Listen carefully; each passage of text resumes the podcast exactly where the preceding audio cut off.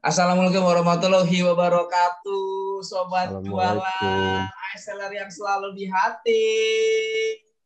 Salam. Keren banget. Ya, tapi memang cara menyapa lu tuh memang membuat orang menjadi menggebu-gebu, sih. Semangatnya tuh naik jadinya. Keren. Lo MC ya? Uh, Alhamdulillah kekurang laku. Oh, iya iya iya iya. Ya, kita kembali lagi di podcast via Zoom yang tidak premium ya. ini sehingga waktunya terbatas. Tapi Betul. yang penting walaupun waktu kita tidak banyak-banyak banget, kita bungkus menjadi sangat padat, cepat, tepat, terpercaya. Betul. Dan benefit-benefit yang bakal kita deliver karena ya eh, sesuai dengan sesuai janji gue sama Rifki, uh, sahabat jualan dari podcast yang seri lalu kita bakal undang bisa dikatakan kawakan kawakan retail di Indonesia nih. Wih. Piawai, piawai. Nantinya over promise ini mah. enggak lah Pak, enggak over promise Pak. Ini kan karena yang bisa hadir ke sini tuh seleksinya luar biasa Pak. Enggak gampang kita bisa pilih oh, gitu ya. untuk menjadi bintang tamu kita pasti orang yang sangat sudah bonafit, sudah di-approve oleh OJK dan oleh BNPB dan UNICEF. Mantap. Artinya seleksinya benar-benar kita pilih dengan ini saya yang kita yakini orangnya bisa memberi membagi ilmunya, mungkin input-input sharing, wah ada insight, wawasan dan lain sebagainya, Ses. Oke, makanya Ki, gak usah lama-lama nih sama sahabat jualan. Uh, hari ini spesial di hari ini buat teman-teman. Kalau kemarin kita memang mungkin mungkin ya uh, bawa partner bisnis yang bisnisnya adalah F&B, kebanyakan F&B, makanya hari ini khusus hari ini kita undang Pak Rizky Hanan sebagai uh, owner dari Umama Gallery mungkin boleh sharing ke kita nih kasih tepuk tangan dulu dong. Uh, halo. Pak, tenang aja. Halo, halo Pak Rizky. udah diundang ya. Jadi malu Wah, nih kita yang thank you Pak. Malah malah di reschedule udah seleksinya lama lagi seenaknya nge-reschedule. Oh, enggak apa-apa. Ma maaf enggak ya. apa-apa, Pak. Enggak ada masalah. Ini oh, tidak apa-apa, Pak, sama sekali. Bapak tenang aja. Pokoknya kita untuk bisa bincang-bincang sama Pak Rizky saat ini, itu yang schedule-schedule yang lain tuh bener-bener kita entarin dulu, kita oh, sampingkan. Harusnya hari ini kita sama Jack Ma dan Sekil O'Neil ya, saya kalau nggak salah. Sekil uh, O'Neil, Jack Ma sama Raffi Ahmad, cuman cancel. Oh iya, uh, betul. Karena Pak Rizky hari ini Pak Rizky dulu kita utamakan Pak. Wih. Kalah prioritas Pak Rizky. Itu dia, betul. Gimana Pak Rizky, sehat-sehat Pak? Sehat, aman. Udah divaksin juga. Oh, jatah pedagang. Wih, mantap dong. Iya iya iya iya betul Pak itu penting ya iya. kita vaksin Jadi untuk menjaga dulu. kesehatan di era pandemi ini. Oh, iya dong. Uh, si Moses sudah Pak, ya, tapi vaksinnya lain lagi dia vaksin kutu Pak.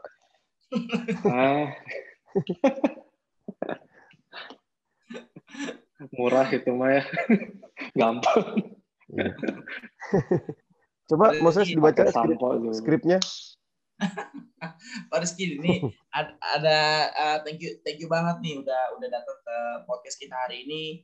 Uh, memang hari ini semoga, semoga ya harapannya kita dan rekan-rekan bisnis yang lagi struggle yang tanda kutip bahwa bis, bisnisnya sedang tiarap bisa mendapat ujangan-ujangan yang bermanfaat dari Pak Rizky nih. Itu. Nah, Pak, saya mau langsung masuk ke pertanyaan saya pertama, Pak. Mungkin buat rekan-rekan di luar ya? sana yang yang model bisnisnya seperti Bapak ini akan khawatir nih, Pak. Ya, akan khawatir.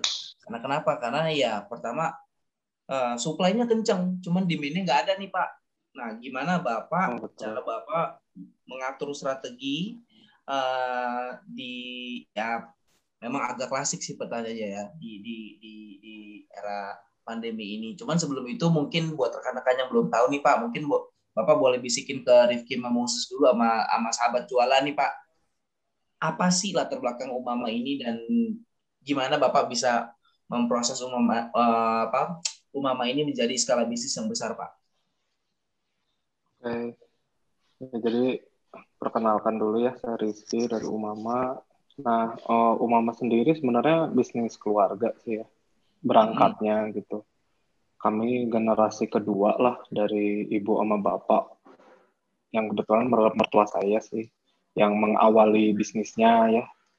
Jadi dulunya sih Umama ini geraknya di distribusi kerudung tok ya di grosir di di grosiran kerudung lah.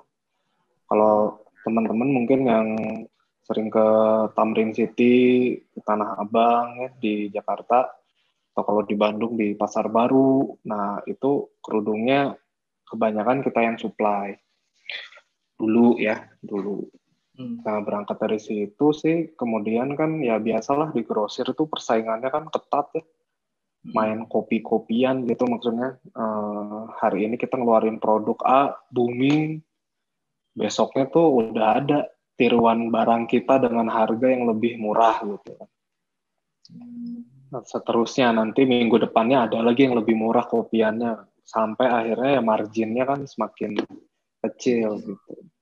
Nah uh, uh, berangkat dari situ dari ibu sama bapak terus ber, berinovasi lah ya mengembangkan produk lain tapi ya masih seputar kerudung. Uh, tapi ya gitu terus jadi kita keluarin produk apa booming kopi lagi sama orang lain. Jadi uh, keras banget lah kalau di grosir ya. Siap siap untuk nggak baper gitu. Kalau sekarang kan banyak pengusaha yang aduh produk gue di ditiru nih gitu. Tiba-tiba cek di Shopee gitu ya ada yang jual produknya sama fotonya sama harganya setengahnya gitu. Baper gitu ya. Kalau uh, kita di grosir jauh lebih gila lagi gitu.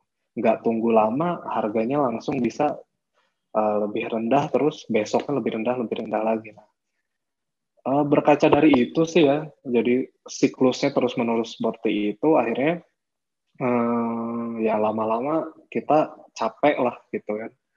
Uh, main di grosir dengan gaya seperti itu gitu dan nggak ada yang recognize sama brandnya kita gitu brand si Umama ini pada hmm. awalnya ketika mainnya di grosir fokus ya kita nggak ada yang kenal hmm. jadi taunya malah lebih kenal sama produknya misalkan kita dulu punya produk Paris ya taunya kerudung Paris atau kita punya produk kerudung Saudi ya taunya kerudung Saudi bukan umamanya seperti itu hmm, kurang jadi... lebih backgroundnya sih kita dari situ. Nah, jadi setelah itu kan hmm, di tahun 2016 tuh, uh, pas saya baru menikah saat itu, nice. persaingan di grosir tuh iya makin makin ketat lah gitu ya.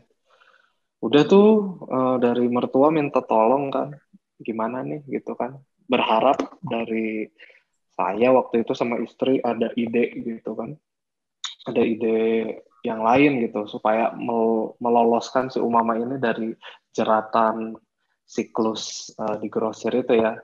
Iya, iya. Nah, akhirnya kita coba masuk ke retail. Hmm. Retail mas, mas, mas gitu. Ya udah tuh latar belakangnya dari situ. Jadi kenapa ada retail-retail Umama karena sebenarnya karena untuk menaikkan branding Umama di grosir sebenarnya gitu yang hmm, tadi dari cerita ya. Agak ini Pak ya, agak agak lucu juga ya ketika ketika Bapak coba brand malah si produknya yang yang di ini bukan nama si brandnya iya. ya. ya itu di grosir uh, lumrah sih ya karena orang nggak peduli sama branding gitu. Hmm. Kurang lebih gitu sih. Jadi mungkin teman-teman juga kalau ke pasar kan nggak nggak nggak pentingin brand ya. Kalau kita ke pasar gitu. Uh, pasar kayak ke tanah abang ke apa ya yang penting harga lu murah barangnya bagus ya ya gua beli gitu. Hmm. tapi gitu tapi ya. tapi tanda kutip gesekan-gesekan di apa di grosir kencang juga ya. Apa maksudnya sprintnya hmm. kencang juga ya. Bapak ngeluarin ini langsung dikopi sama orang. Bapak ngeluarin oh, produk oh, iya. orang keluarin produk A plus satu. Oke juga ya. Dengan harganya lebih murah nah ya biasanya bocornya dari pabriknya sih. Misalkan kita kerja sama sama pabrik A ya si pabrik A ini kita pesen seribu lebihin 100 nah 100 ini dijual ke orang harganya lebih murah. Gitu. banyak kan ya. begitu banyak kan lagi ya copy paste gitu ya. Agak repot pak ya? Repot. Kalau di grosir makanya kalau mentalnya nggak kuat modalnya nggak kuat ya banyak yang mati sih ya pada akhirnya. Oh, nah ada dari situ Hmm. hmm, ya itu makanya dari situ sih umama akhirnya wah kita perlu nih ngembangin bahwa orang tetap beli grosirannya kita cuma harus tahu nih brandnya gitu. Supaya ketika nanti ada produk lain harganya lebih murah cuma karena keikat sama brand ya kayak kita misalkan beli sepatu misalnya saya lebih prefer Adidas dibanding Nike gitulah awalnya gitu Hmm, sesimpel itu sih Iya ya. Tapi ada Pak jualan yang yang yang nggak di copy sama orang Pak, apa yang yang yang yang bisnis modelnya aman. Narkoba Pak, Rifki kemarin baru keluar dari Oh, BNN, nanya Pak. gitu. oh, Enggak dong, enggak dong, enggak dong, enggak dong. Gue gue kan enggak, enggak jual narkoba, gue kan kerja di iSeller. Gimana sih? Tolong dong. Data itu Tapi Pak Rizky, kalau saya tadi dari tadi saya nyimak banget nih, saya ngikutin banget. Saya sangat tertarik sih di part di mana Pak Rizky bilang ini adalah bisnis keluarga. Artinya kan dari berawal dari keluarga, Bapak adalah generasi kedua. Nah, mm, Pertanyaan saya adalah kira-kira Mm-mm. Bapak kepengen nambah anggota keluarga nggak Pak? Orang turunan Pakistan gitu Pak, kira-kira? Barangkali. kenapa coba? lo tahu aja Ki, orang-orang yang omsetnya gede lo Ki, kampret lo Ki. Bentar ya, bentar ya. Dia Bentar, bentar. pintar video memanfaatkan dulu. ini ya. Tuh, tuh, tuh. Biar biar Pak Rizky jelas tuh. Tuh, lihat tuh. tuh. Pakistan. Ah, Saya setengah saya setengah Pakistan, Pak. Oke lah. oh Enggak, gitu. Pak, artinya mertua Kalau saya juga orang tanya, kalau Pakistan. nama imam Tuh, apalagi Pak, Masya Allah, wong gitu galuh. Pak, kalau Umama sendiri itu artinya dari mana Pak asal namanya Pak?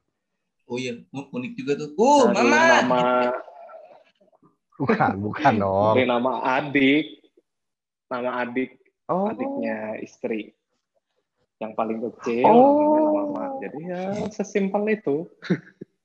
oh ya, berarti Cuma kayak kalau seorang apa ya? Hmm, Orang tua namain bisnis nama anaknya gitu. Ya, itu kan saat itu ya lagi musim lah gitu. Nge-branding tuh nama Iya, betul, anaknya betul, betul. gitu. Betul, iya iya betul betul. Mm-mm. Gitu. Asik, asik, asik. Tapi kalau bahasa Arabnya sih umama tuh wanita ya. Wanita. Ah, bahasa- berarti memang udah Setahu dari namanya pun saya, sudah ah. spesifik ya. Ah, Menjual ah, barang-barangnya, atribut-atributnya khusus buat perempuan gitu Pak ya. mm, Iya, betul. Berarti tidak ada produk atribut buat laki-laki, Pak? Eh, ada, cuma ya nggak nggak banyak Oh, lah. Paling pas misalkan kayak sekarang nih mendekati puasa sama Lebaran ya kita produksi baju-baju koko gitu ya. Karena demand-nya kan Oh. banyak di situ. Oh, Tapi oke, regulernya sih enggak, regulernya sih enggak. Itu reguler. Oke. Reg- hmm. Kalau pandemi sendiri nih Pak, tahun lalu ya kita semua nggak ada yang pernah menyangka, kita semua nggak ada yang siap, nggak ada yang Mm-mm. apa ya, nggak ada yang prepare, nggak akan ada yang eh, bisa apa ya, forecast apa istilahnya forecast akan terjadi nih sebuah pandemi seperti ini, makanya perusahaan-perusahaan besar, mall dan lain sebagainya pun kalang kabut dan lain sebagainya.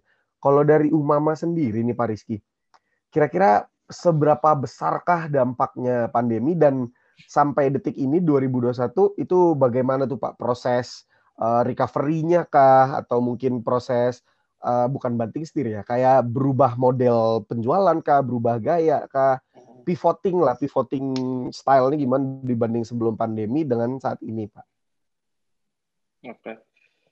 Eh, ya pastilah ya kena banget gitu. Terutama kan majority sales-nya kita kan di generate di Tanah Abang ya.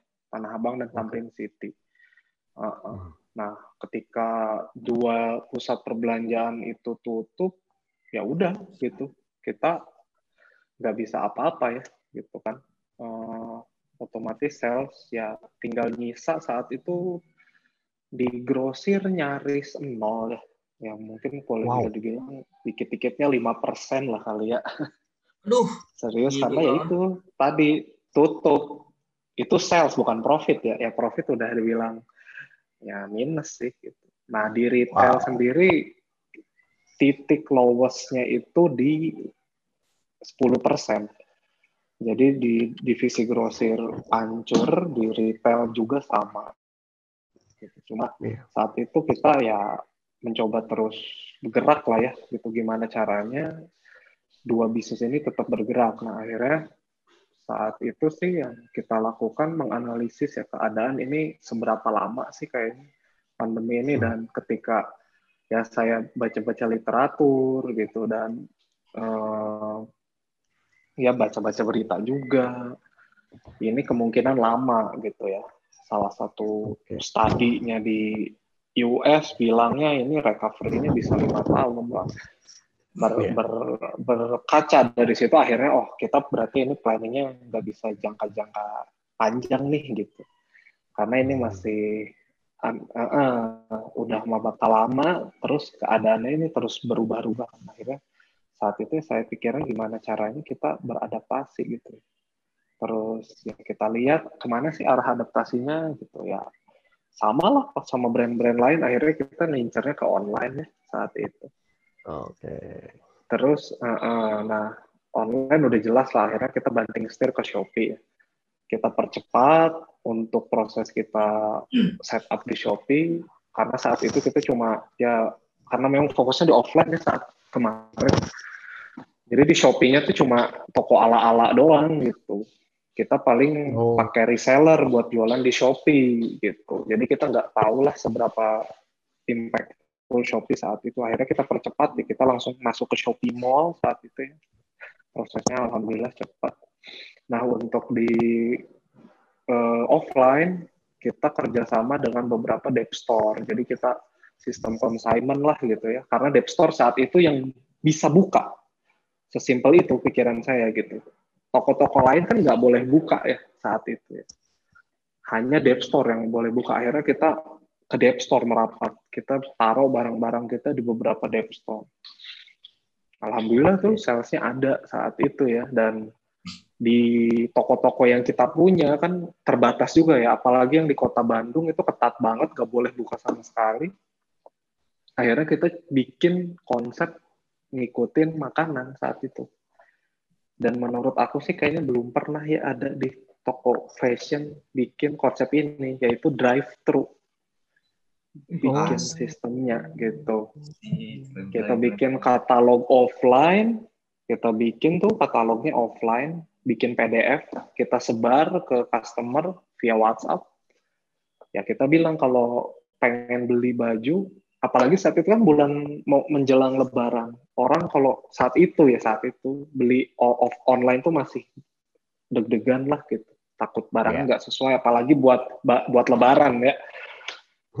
Dia masih pengen datang ke toko cuma kita kan tutup. Akhirnya ya udah dia datang di parkiran tuh naik mobil.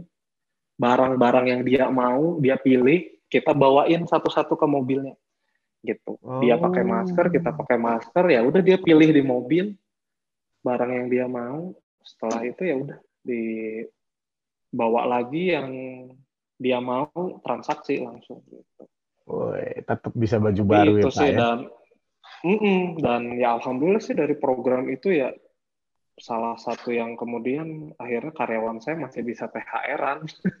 Wih, padahal di awal, padahal di awalnya ya udah pesimis gitu. Kita kan udahlah gak usah ngomong THR lu masih kerja juga. Lihat tuh orang lain gitu kan. Tapi ya, yeah, yeah, yeah. alhamdulillah berkat beberapa inovasi itu kita masih bisa mempekerjakan majority karyawan kita dan alhamdulillahnya THR-nya 100% dibayarkan. Wih, luar biasa, Mama. Ada lowongan nggak Pak kira-kira? Saya pindah ke Umama. soalnya, soalnya tahun lalu THR cari opportunity. tahun, la, tahun, tahun lalu THR saya nggak full soalnya. Rifki, hmm? ini yang Rifki, ini yang benar hmm, owner iya. kita. Oh iya, sorry, sorry Pak Jim. Iya, iya. Sorry Pak Jim, nggak, nggak, gue belum selesai. Gue gue tahun lalu THR nggak full 100% karena gue kan belum genap setahun saya jadi proret. Nah, dulu dong ya iyalah. Iya ben, makanya. Buat ini buat buat yang edit Benito anak jangan jangan jangan diedit ya yang ini. Tadi gue pengen denger owner gue ngomong apaan. Enggak, jangan dong. Jangan dong. Ses silakan Ses. Barangkali lo ada yang mau ditanya soalnya gue mau ke toilet dulu sebenarnya sih jujur.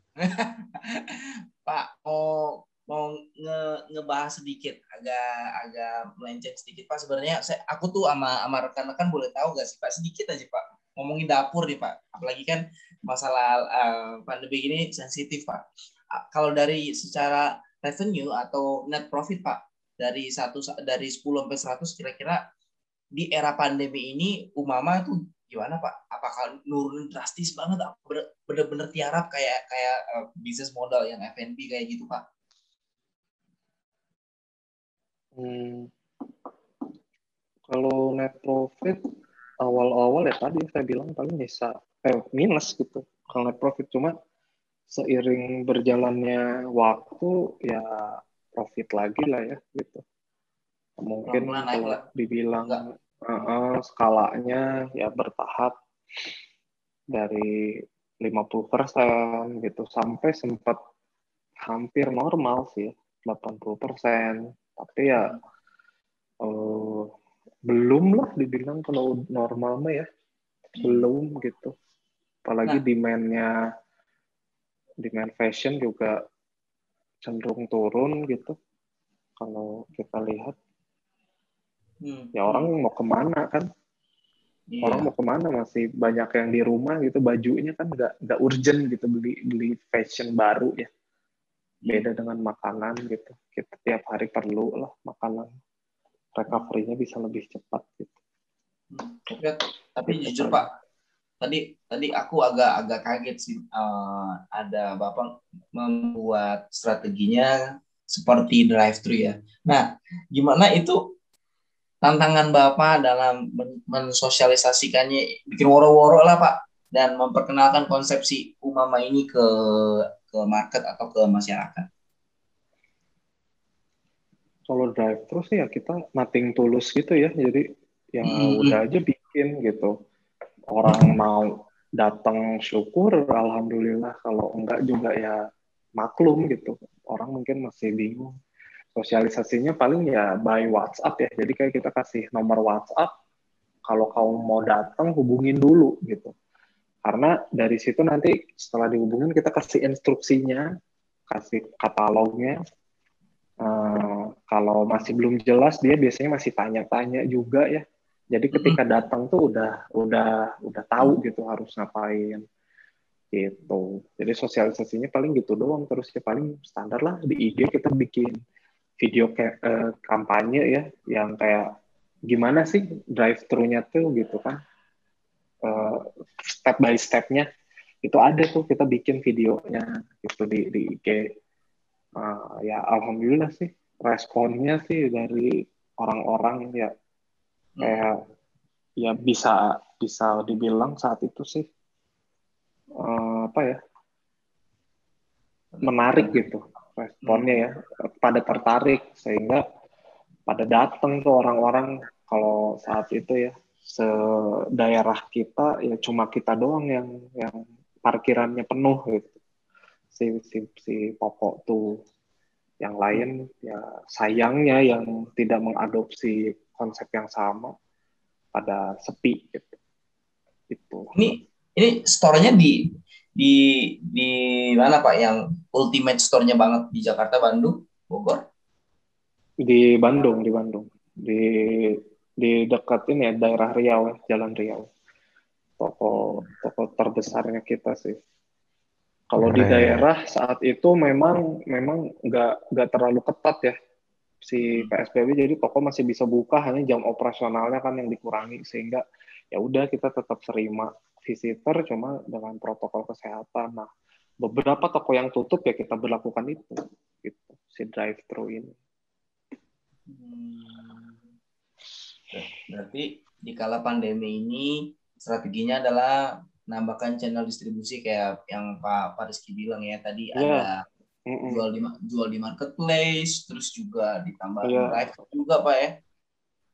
Iya ke dev ke dev store juga ya kayak kita wow. apa yang masih bisa jalan ya jalanin gitu. Oh wah ses itu hmm. berarti kira-kira ngontrol stoknya gimana ya kalau banyak banget channel penjualannya seperti itu? Wow, nggak kebayang. Waduh. Masuk Ki. Ini, ini udah masuk ke kata kita Ki ya. Iya, bridging, bridging. Gue bridging, itu maksudnya. Oke, okay, gimmicknya oke okay lah. Boleh.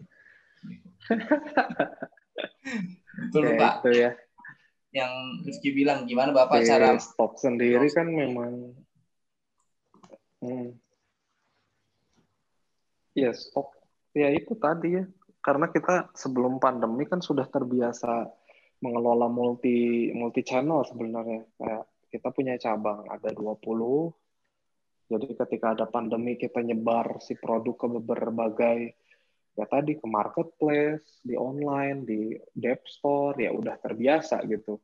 Udah terbiasa multi stock ya dan si facility-nya saat itu si infrastrukturnya udah siap gitu kan. Infrastruktur IT-nya udah siap, pakai iSeller ya yang udah wow. dari tahun-tahun sebelumnya. Wow, keren banget. Terus si SDM. si SDM-nya juga udah siap gitu. Jadi ya udah gitu. Apa yang kita bisa lakukan ya. gitu. Langsung cepatlah adaptasinya gitu. Wih, berarti iSeller memberikan solusi tanpa masalah pegadaian. itu ikan itu suaranya sama-sama ikan pegadaian ki iya iya sorry sorry gue kan ya, saya keliru keliru saya kan iklan banyak banget gue jargon jargon suka ketukar gue Oke oke oke oke. Berarti semua semua channel penjualan ki, semua channel penjualan di dimasukin. Pokoknya apa semua pintu-pintu jualan sama apa sama apa Rizky itu apa pun yang bisa dikerjain ya. Pokoknya dikerjain iya. aja lah.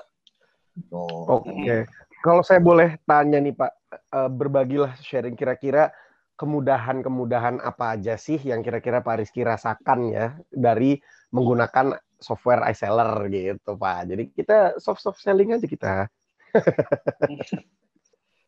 ya mudahnya ya itu ya. Jadi uh, mungkin kalau si iSeller ini yang paling reliable-nya adalah kalau punya multi channel gitu, multi multi lokasi, sorry dia yang secara multi lokasi ini pengeneratan laporannya lebih bisa banyak di customize. Artinya dengan dengan seperti itu maksud saya si datanya itu bisa kita analisis dengan lebih cepat ya karena kalau di yang sebelah sebelahnya gitu si laporan ini disajikannya banyaknya itu per channel tapi nggak bisa kita banyak custom gitu si laporan nih gitu ya jadi dengan mudahnya nge-custom laporan, jadi analisisnya bisa lebih cepat. Gitu. iSeller kelebihannya itu sih di, di generate laporan ya, bisa di customnya enak banget. Gitu. Keren. Itu.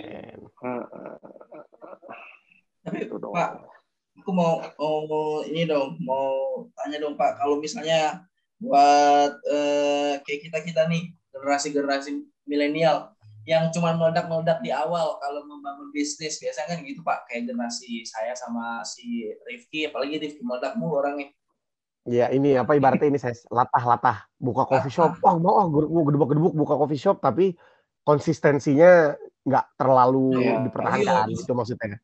Hmm. Nah, okay. gimana tuh Pak? Tolong banget Pak biar kita semangat kayak saya ini mau mulai dagang cupang aja, aduh. Enggak enggak uh, ya cupang, lagi.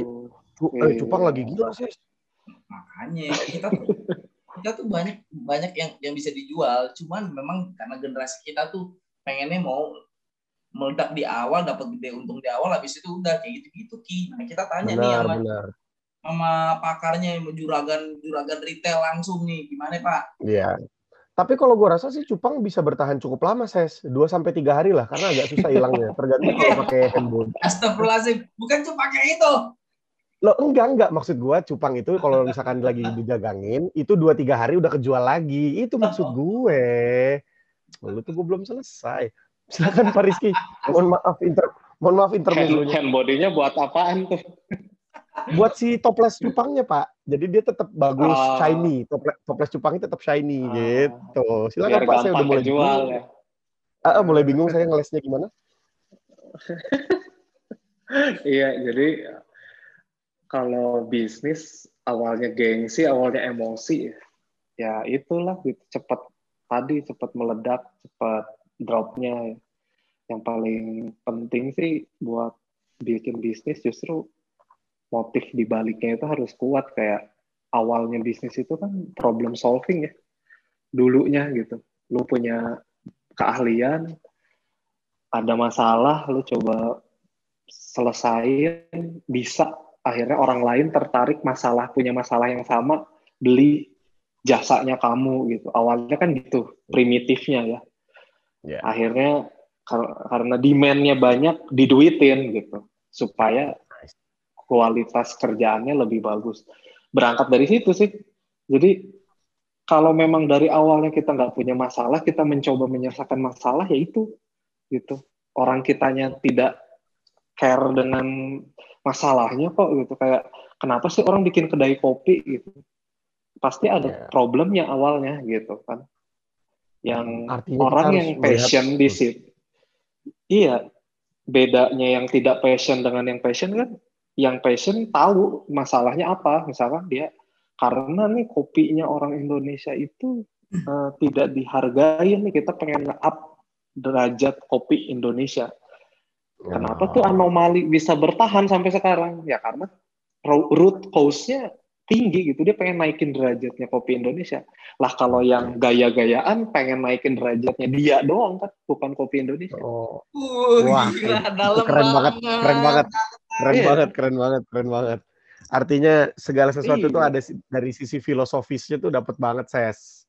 Iya. Kayak Makanya. the reason why why-nya dulu kalau why-nya kuat nah, itu, itu. mantap ya pak ya. Iya.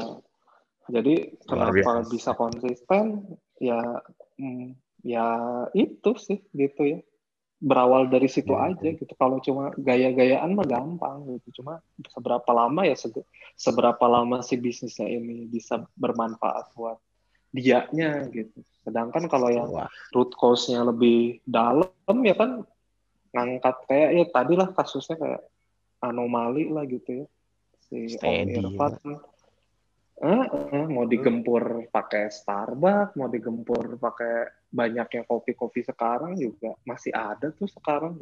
Cabangnya nggak oh, banyak, tapi ya masih jalan aja bisnis. Itu sih Jadi kita sendiri contoh lah ya, yang orang lain deh gitu contohnya.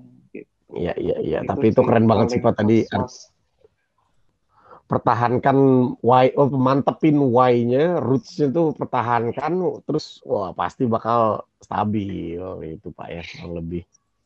Tips-tips dan pesan-pesan penutup dari Pak Rizky buat teman-teman semua uh, ini kan kemungkinan sasaran kita tuh menuju usia-usia milenials yang nanti akan dengerin podcast ini. Walaupun tidak menutup kemungkinan usia-usia di atas 35 tahun pun silahkan aja boleh banget dengerin podcast ini ini mungkin tips-tips dan pesan-pesan penutup buat teman-teman yang dengerin uh, sobat-sobat bisnis yang dengerin ini ya.